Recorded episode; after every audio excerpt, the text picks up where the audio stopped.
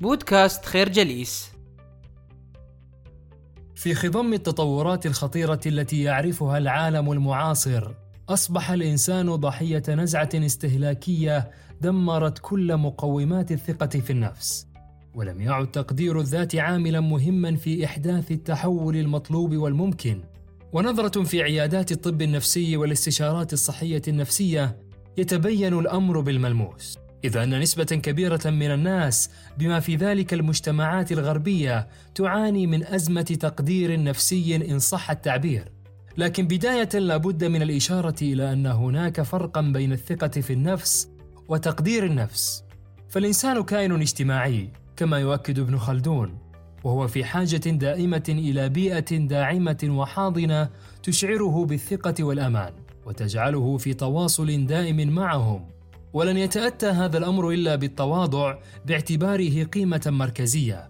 لكن هذا التواضع لا يعني خفض مستوى الثقة في الذات أو تحقيرها وجلدها في مواجهة الآخرين.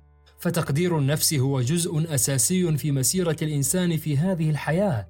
ولا يمكن أن يواصل الإنسان تحدياته في المجالات كلها دون أن يتوفر على الحد الأدنى مما يجعله قادرا على البقاء.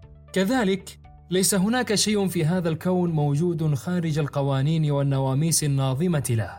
لهذا فتحقير الذات وازدراؤها والحط من قيمتها هو نتاج عوامل نفسية واجتماعية متشابكة ومعقدة تساهم بشكل أو بآخر في صناعة إنسان عاجز عن مواجهة التحديات التي تصادفه.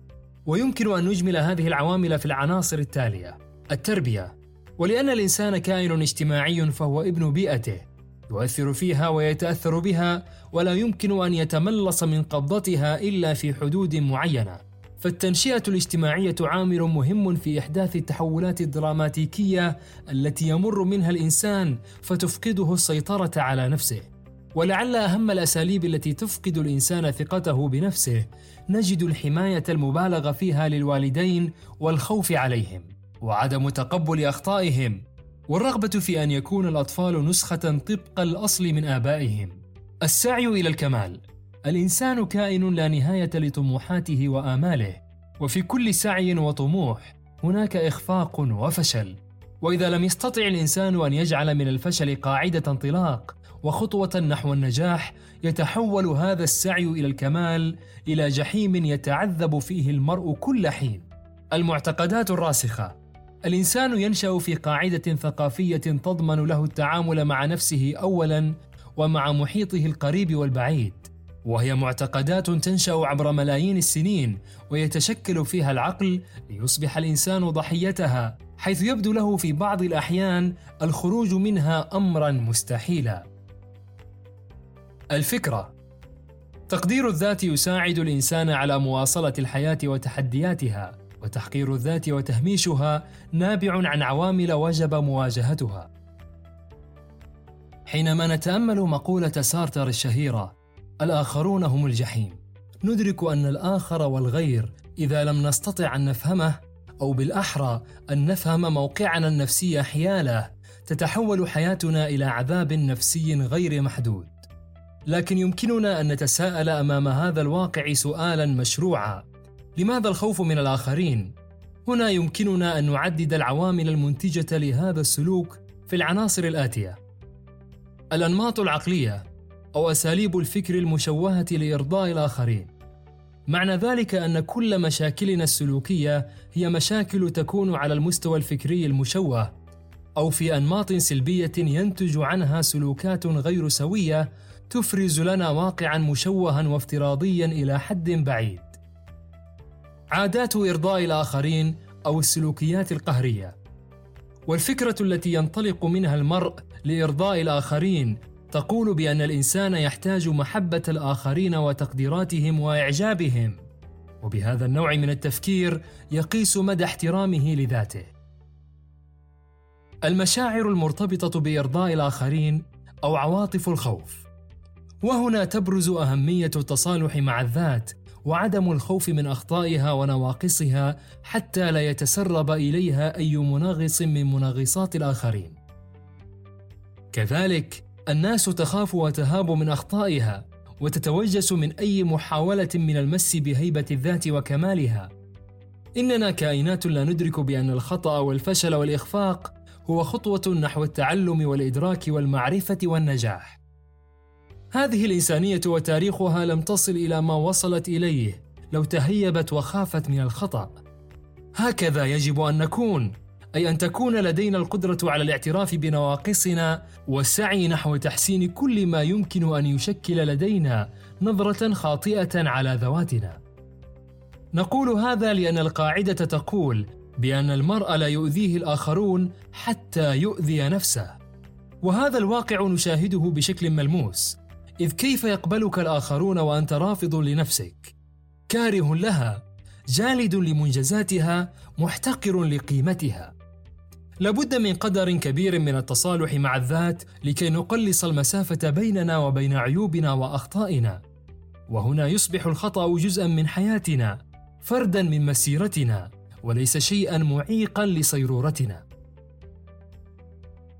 الفكرة الخوف من الآخرين ناتج عن عوامل تفقد الإنسان السيطرة على مواقفه وسلوكاته.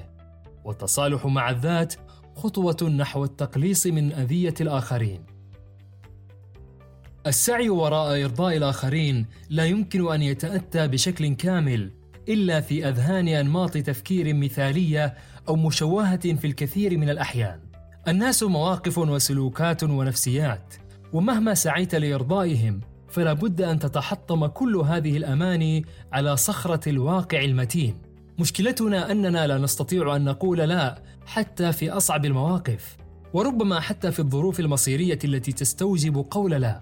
الا تعبر بشكل صريح في مواقف تستوجب الرفض بقول لا يؤكد بالملموس أنك في حاجة إلى دعم نفسي ولا تدل على طيبه أو رفعة أخلاق.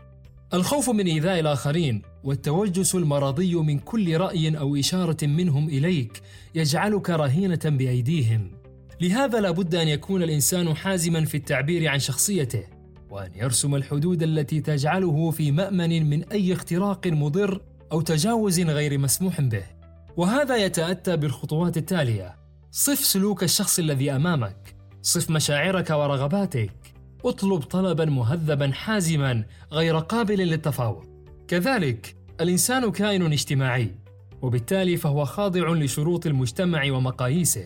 وحينما ينزاح الإنسان عن هذه المقاييس أو يبدأ في التمرد على بعض هذه الأحكام المسبقة يشعر بالحزن وعدم الأمان.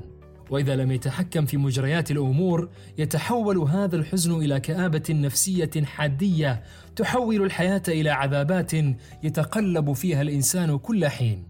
الحزن أمر طبيعي فالحياة ليست جنة مفروشة بالورود والحزن والفقدان والمرض جزء من طبيعتها وليست أشياء منفصلة عنها.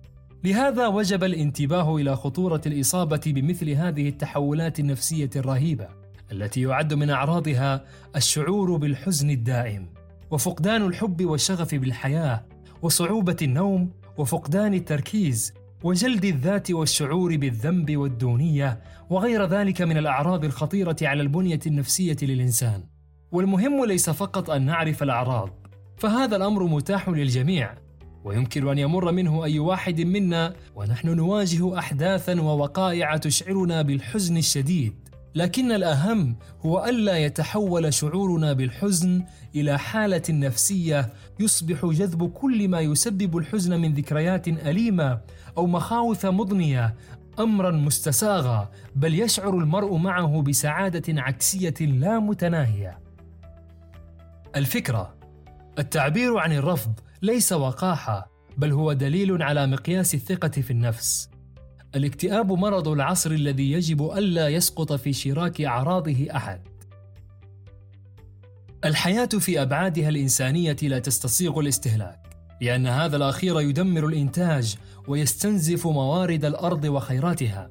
لهذا كلما ابتعدنا عن حدود الطبيعة في تعاملنا مع الأشياء كلما انعكس ذلك سلبا على نفوسنا وسلوكاتنا البشرية. ولأن الحياة المعاصرة حياة استهلاكية بامتياز فإن كل المظاهر تحولت إلى أشياء جالبة للحزن والكآبة. كان الطفل قبل أن تتطور مظاهر الاستهلاك يعتمد في كل شيء على اللعب والاكتشاف والخطأ في التعلم. أما الآن فقد تحولت الحياة إلى مظاهر افتخار بأحدث أنواع الألعاب الإلكترونية أو بالوقوف أمام الشاشات لساعات طويلة في مواقع التواصل الاجتماعي.